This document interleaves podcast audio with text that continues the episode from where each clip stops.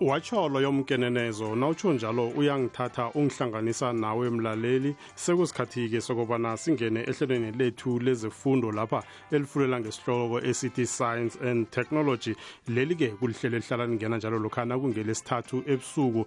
Kilo-ke leli hlelo kukulapho sikulethela khona imvakatshi ezihlukahlukeneko ezivela emazikweni ahlukahlukeneko eh, zize lapha zisilethele ilwazi elidephileko ngamaziko abasebenza kiwo. Ukuthi isayensi kanye netechnology technology ithuthuka kangangani kulezo ndawo nokuthi yona iscience kanye netechnology isisiza kangangani nje njengomphakathi njengamasewula afrika. Nokuthi impilo zethu zikhone ukuba ngcono zibe lula. Ngokuthi eh, kusetshenziswe yona iscience kusetshenziswe yona i-technology. Kanti-ke namhlanje sike siphethe esinye isihloko lapha lapho nje sikhuluma khona eh ngama-science centers. Eh ukuthi nje ama-science centers la enzani? Eh kuyini nje okutsha akulethela um umphakathi eh kuyini nje akutsha akulethela eh abantu abatsha izinto ezifana nalezo. Kanti ke ehlelweni lethu lanamhlanje lapha sikhuluma nolungile ikaneng nguye ke ozosihlathululela. Siza kuzwa ke nje ukuthi uvela kiphi yena i-science center nokuthi nje umsebenzi akwenzawo kuyini? Singatsho nje sitsheje neposition ayiphetheko. Hlala nathi ke mlaleli hlala nathi uzokuzwa ukuthi ehlelweni lethu lanamhlanje ngiziphi esikuphathele zona.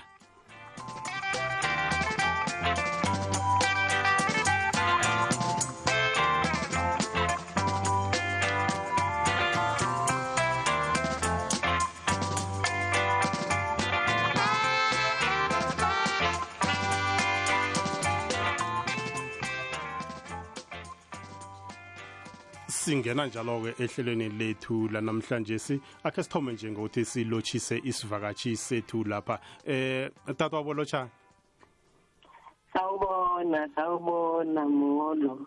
Azwa-ke eh akho silotshisele nomlaleli nje akho silotshisele umphulaphuli ezwa ukuthi hawa nawe ukhona ehlelweni lethu lanamhlanje.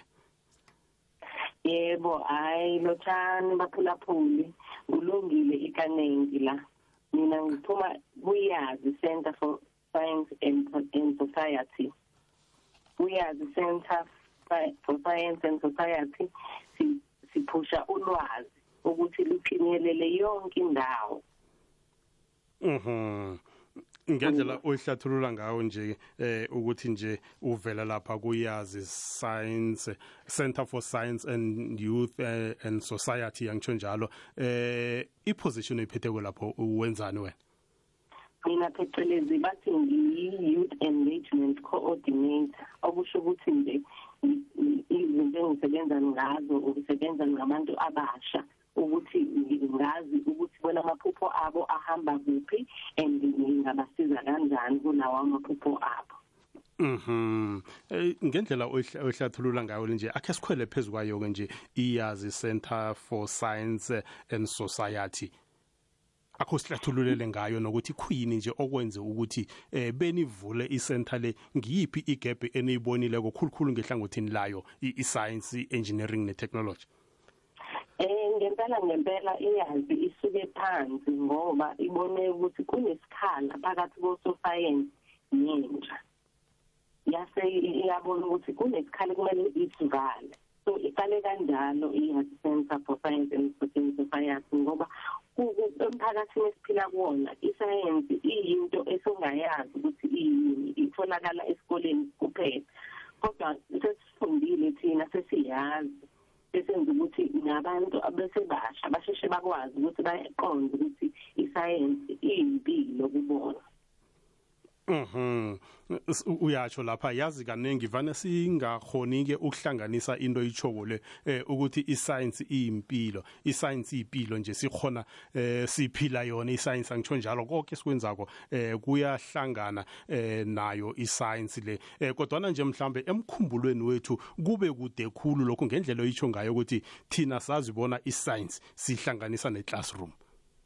Nikwenza njani nikwenza njani ke konke lokho ukuthi eh nikhone ukuletha iawareness le efana nayo ukuthi eh iscience iyipilo? Ukuthoma ukusikima kwami lapha eh iscience sey involved yes. Kumele ukuthi ngezizulu imithi igotshwa isemanzi.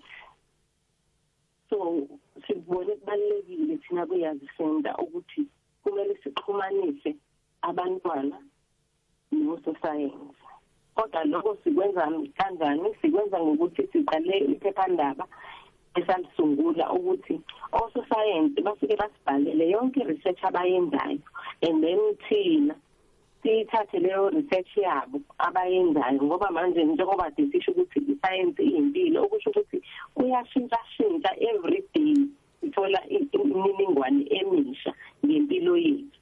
Okusho ukuthi nabo abantwana kumele basheshe bayithole leyo information. Bangaze balinde ukuthi ibhalwe kwi-textbook yaseklasini bayoyifunda eklasini ngoba izo izobeka mangabe yenzeka kanjalo.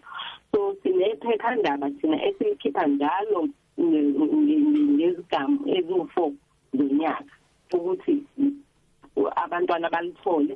Khona bazothola lolu lwazi lolu olusuka ku-society straight luze kubona kodwa thina-ke ngoba siyiyazi kumele silubhale ngendlela yokuthi abantwana bakwazi ukuthi nabo bayiqonde mabeyifundela leli phephandaba bakwazi ukuthi uma benza ama-experiment benza ama-experiment ngezinto abazibonayo abaphila ngazo every day.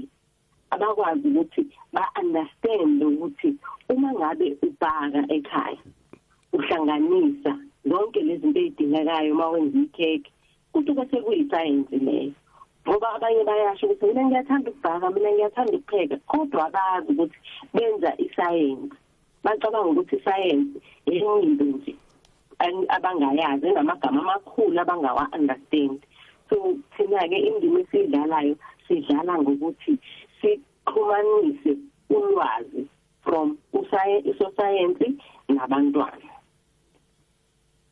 Uyazi ngendlela ehlathulula ngengiyakuzwa lapha ukhuluma nangemagazini science spaza eh othi nje nikhiphile. Eh ngikuzwe lapha kwangathithi uthi iqalelele khulu nje ugrade 6 nabo grade 7 akusilada na?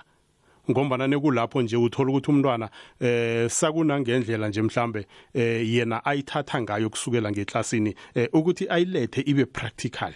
Akusiyinto nje uthola ukuthi kumele mhlambe ithome frugwanyana empilweni nakhe hayi isiza yabona ke ka grade 6 no 7 impela masiqala khona kusiza ngoba ka grade 6 basuka abantwana sebekwazi ukuzifundela incwadi ngoba le ncwadi le iphuma ngesingisi so bayakwazi ukuyifundela bayakwazi ukuzenzela imidlalo nama activities ayiphuma nayo. Bayakwazi ukuthi basuke bekule age le ababuza khona imibuzo njalo. So kuyasiza ukuthi manje ngoba vele imqondo yabo isikhusile isifuna ukubuza imibuzo bayakwazi ukuthi manje uma ngabe bekubuza imibuzo bazokubuza ngento sebefuna ukuyi-understand kungasabi ukuthi bayakubuza nje. Lokho kwenza ukuthi bangabuzi every day. Umuntu ubuza kanye aphindele lapha ebhukwini athi oh sengiyayibona lento ukuthi ihlangana kuphi. So ibasiza kanjalo futhi ibasiza nangendlela yokuthi bakwazi ukuzifundela baphinde ba-understand. Abantwana abaningi esisebenzisana nabo nesifisa ukuthi sibathole abantwana abasemakhaya so hmm. i-science starter nje mayiqala kahle kahle hayi ukuthi yababandlulula basemadolobheni nabo bayayithola kodwa abantu esike sifise basisela ukuthi bayithole yilaba abangenawo ama-library eduzane yilaba abangakwazi ukuthola i-internet eduzane yilaba abangakwazi ukuthi babe nama-cellphone abazokwazi ukucheck-a iy'nkundla zokuxhumana njalo ngoba mm, labo mm. bantu laba i-information ne-knowledge abayitholi ngesikhathi so i-science faza yona izala lelo gebe lokuthi labantwana bangatholi information yokuthi kwenzakalani njengamanje kwezesayensi Mhm. Noyihlathulula njalo nje ukuthi eh istage nje isigaba abakiso njenganje sekusigaba sokuthi bakhona ukubuza imibuzo. Eh kanenge ke vana uthola ukuthi amalanga la nesithi sicheja abantwana njengeklasini.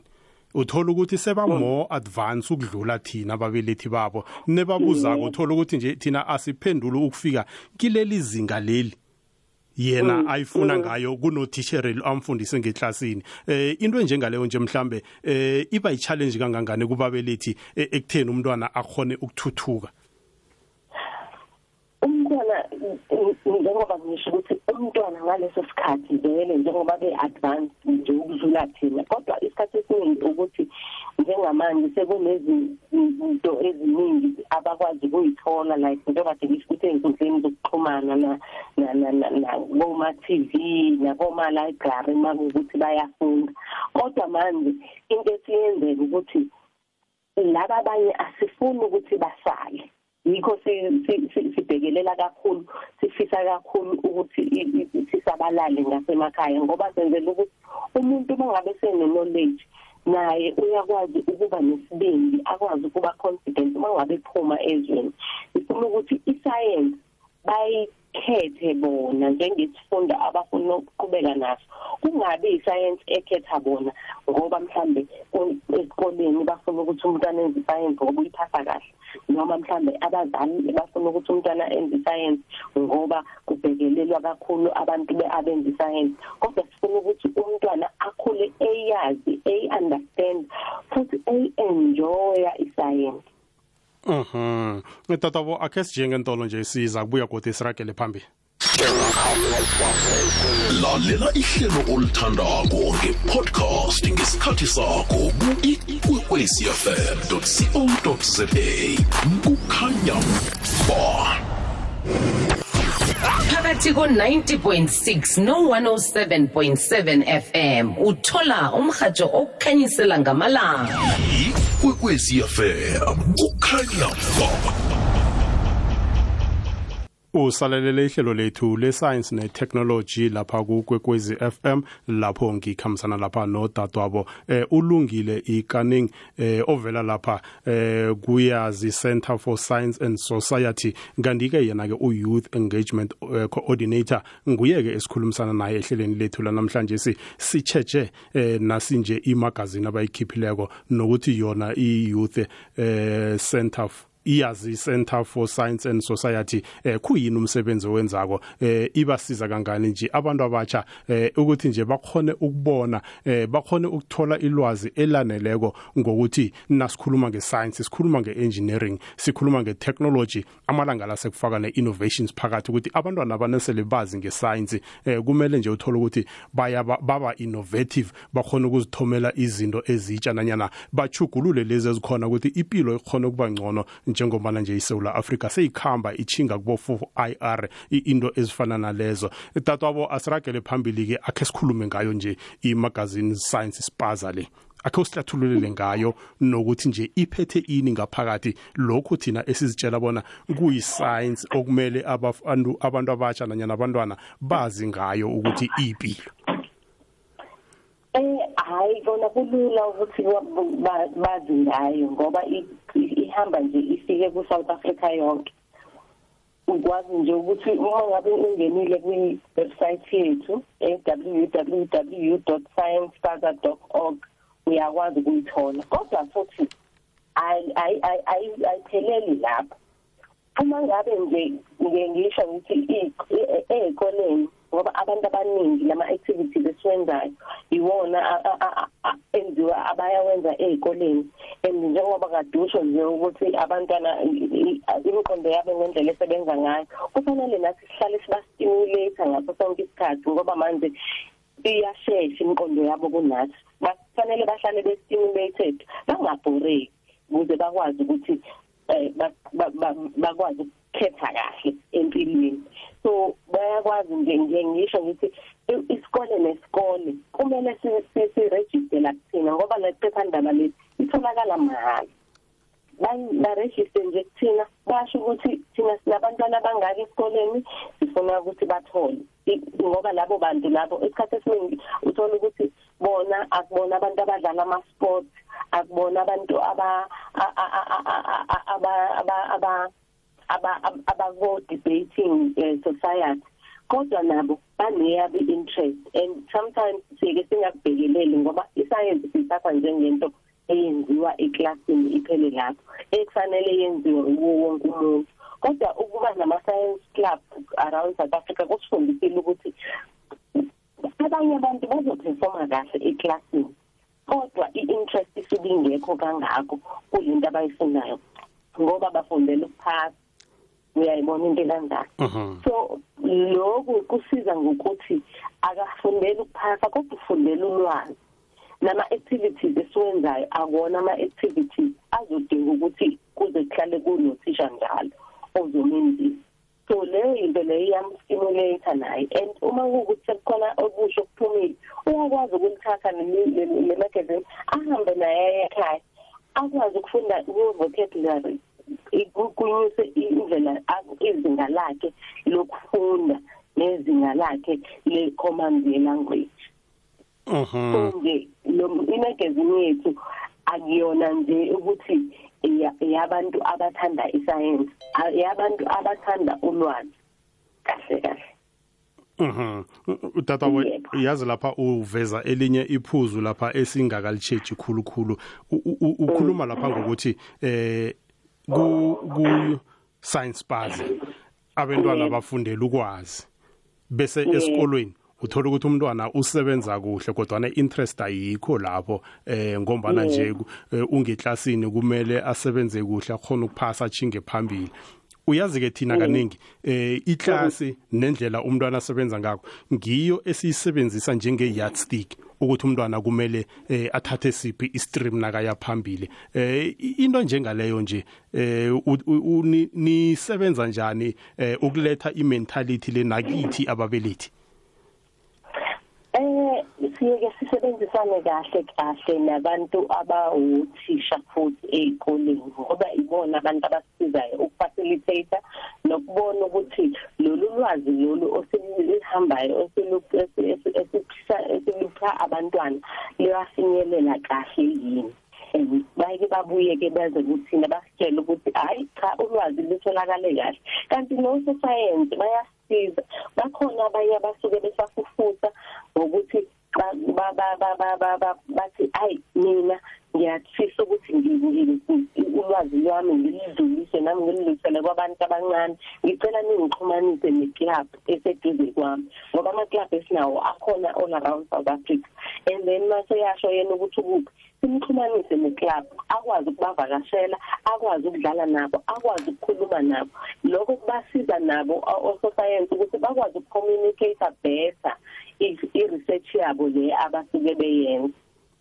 Mhm ngendlela oyihlathulula ngayo leyo. Eh mhlambe ke nasele sithi siyayichecha lapha eh inkolo lezi khe ngakubuza lapha ukuthi nisebenzisana njani nazo nokuthi yona imagazini lengaphakathi iphetheni akhe sinikele nje some of the examples nje imbonelo ezitholakala ngaphakathi kwayo i-science spaza le ukuthi ezi practical ezingenza nje ukuthi abafundi babe netshisakalo yokuthi nje bayicale bayifunde eh ananda ichecha checha eh uyazokhunye ke engithi mhlambe ungangezelela emva kwalokho ukuthi nikhuluma ngencwadi. Abantwana amalanga la sebaphezulu kwamafoni khulu khulu information sebayifunda lapho eh abasanandaba nencwadi. Yebo yebo. Hayi uyisho kahle uma usho kanjalo ukuthi kuyincwadi kuyiphephandaba into abangayibheki. Kodwa-ke njengoba ngisho ukuthi osefonini uyakwazi ukuyithola ifonini on the computer uyakwazi ukuyithola i-computing laba abangenayo i-computer nefoni yibo laba abathola iphephandaba esikhathini kodwa-ke besi-advise ukuthi ukuba bekune-club uyithole ikwiphephandaba ngoba sibancane singabantwana sisebenzisa ukuhlanganisa ama-puzzle sifuna okudala ngoba sizazizo zinto lezo. Uthola ukuthi kune-puzzle ekufanele uyisolve njengomntwana. You need to read a paragraph and then uthole ama-words uwafake laphaya kwi-puzzle yakho ukuthi uxazulule mhlawumbe into ethile. Uyayibona leyo into leyo. So kuba baba interactive exercise kubona so isikhathi esiningi bayawajabulela lamaphepha ngoba bayakwazi ukubhala kuwona bayakwazi ukuwasika bayakwazi ukuwaphesta bayakwazi ukuhlanganisa up to grade 9 abantu esebe up to grade 10 abantu esebenza nabo kunama kunama comics opopayi abakhulumayo abasitshelayo ngezinto abasazisayo uthola ukuthi mhlambe sikhuluma nge-recycling ngalelo langa ngoba if nje uma ungabheka kule-first edition yethu i-eighth edition so nje sibhekelele zomhlaba. Kune-worksheet la ekhuluma nge-recycling ngoba umhlaba wethu kufanele ucleanwe yithina futhi uphila kanjani la sihlala khona?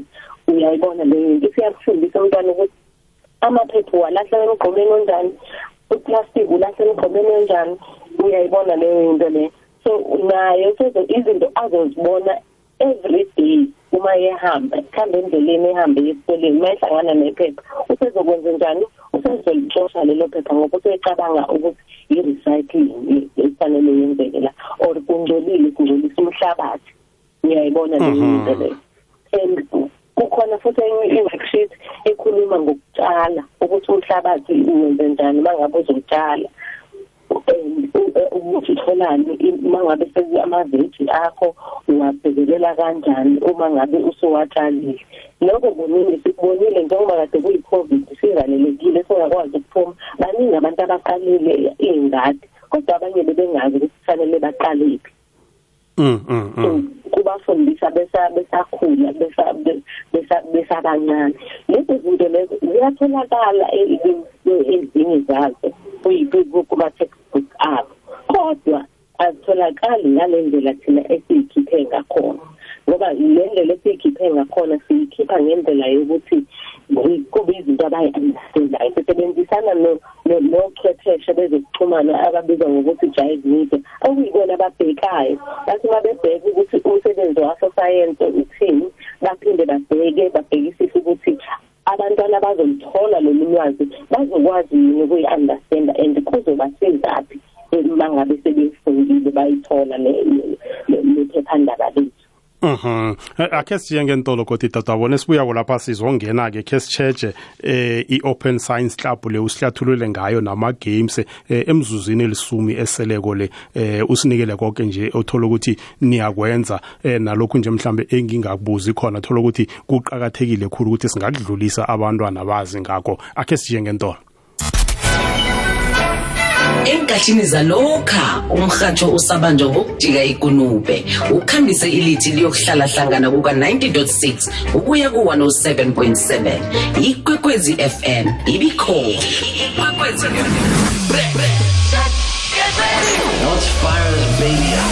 nenkathini zanamhlanje sizoqhofoza inomboro yedijithali. Nenkundla zokuthindana ezenza umbone ngamehlo umrhatshi wakho omthandako. Ikwekwecfm isesekhona 90.6 ukuya ku-107.7 fm umkhanyo ukhona. Kukhanya ba usalelele ihlelo lethu le-science kanye ne-technology lapha kukwekwezi FM lapho ngikhambisana khona nodadwabo lapha eh, ulungile ikaning eh, o-youth engagement coordinator lapha kuyazi center for science and society nguye osivakatshi sethu sanamhlanje si. Uyazi nje mhlambe eh nasikhuluma nabo lungile eh kuba abantu nje obaqhakatheke khulu. Kukulapho khona nje baletha itshisakalo khulukhulu ebantwaneni. Ukuthi nje nakakhulako uthola ukuthi sewuyazi ngescience le. Eh uzakhumbula mlaleli bona kunento nasi yokuthi batsho ukukhuluma ngamscience eh kuzimfundo ezibudisi khulu. Umntwana nalokho nesekumele athathe imfundo ezinjengalezo. Eh akutshele bona ngeke azithatha ngombana ngeza abantwana abahlakaniphe khulu. Eh abolungile ke ngibo labo thola ukuthi bazama ukuletha eh, ilwazi lelo ukuthi iscience iyipilo. Akusiyinto nje uthola ukuthi kumele eh, kube ngeyomunye umuntu ayedwa nanyana idlanzana lelo.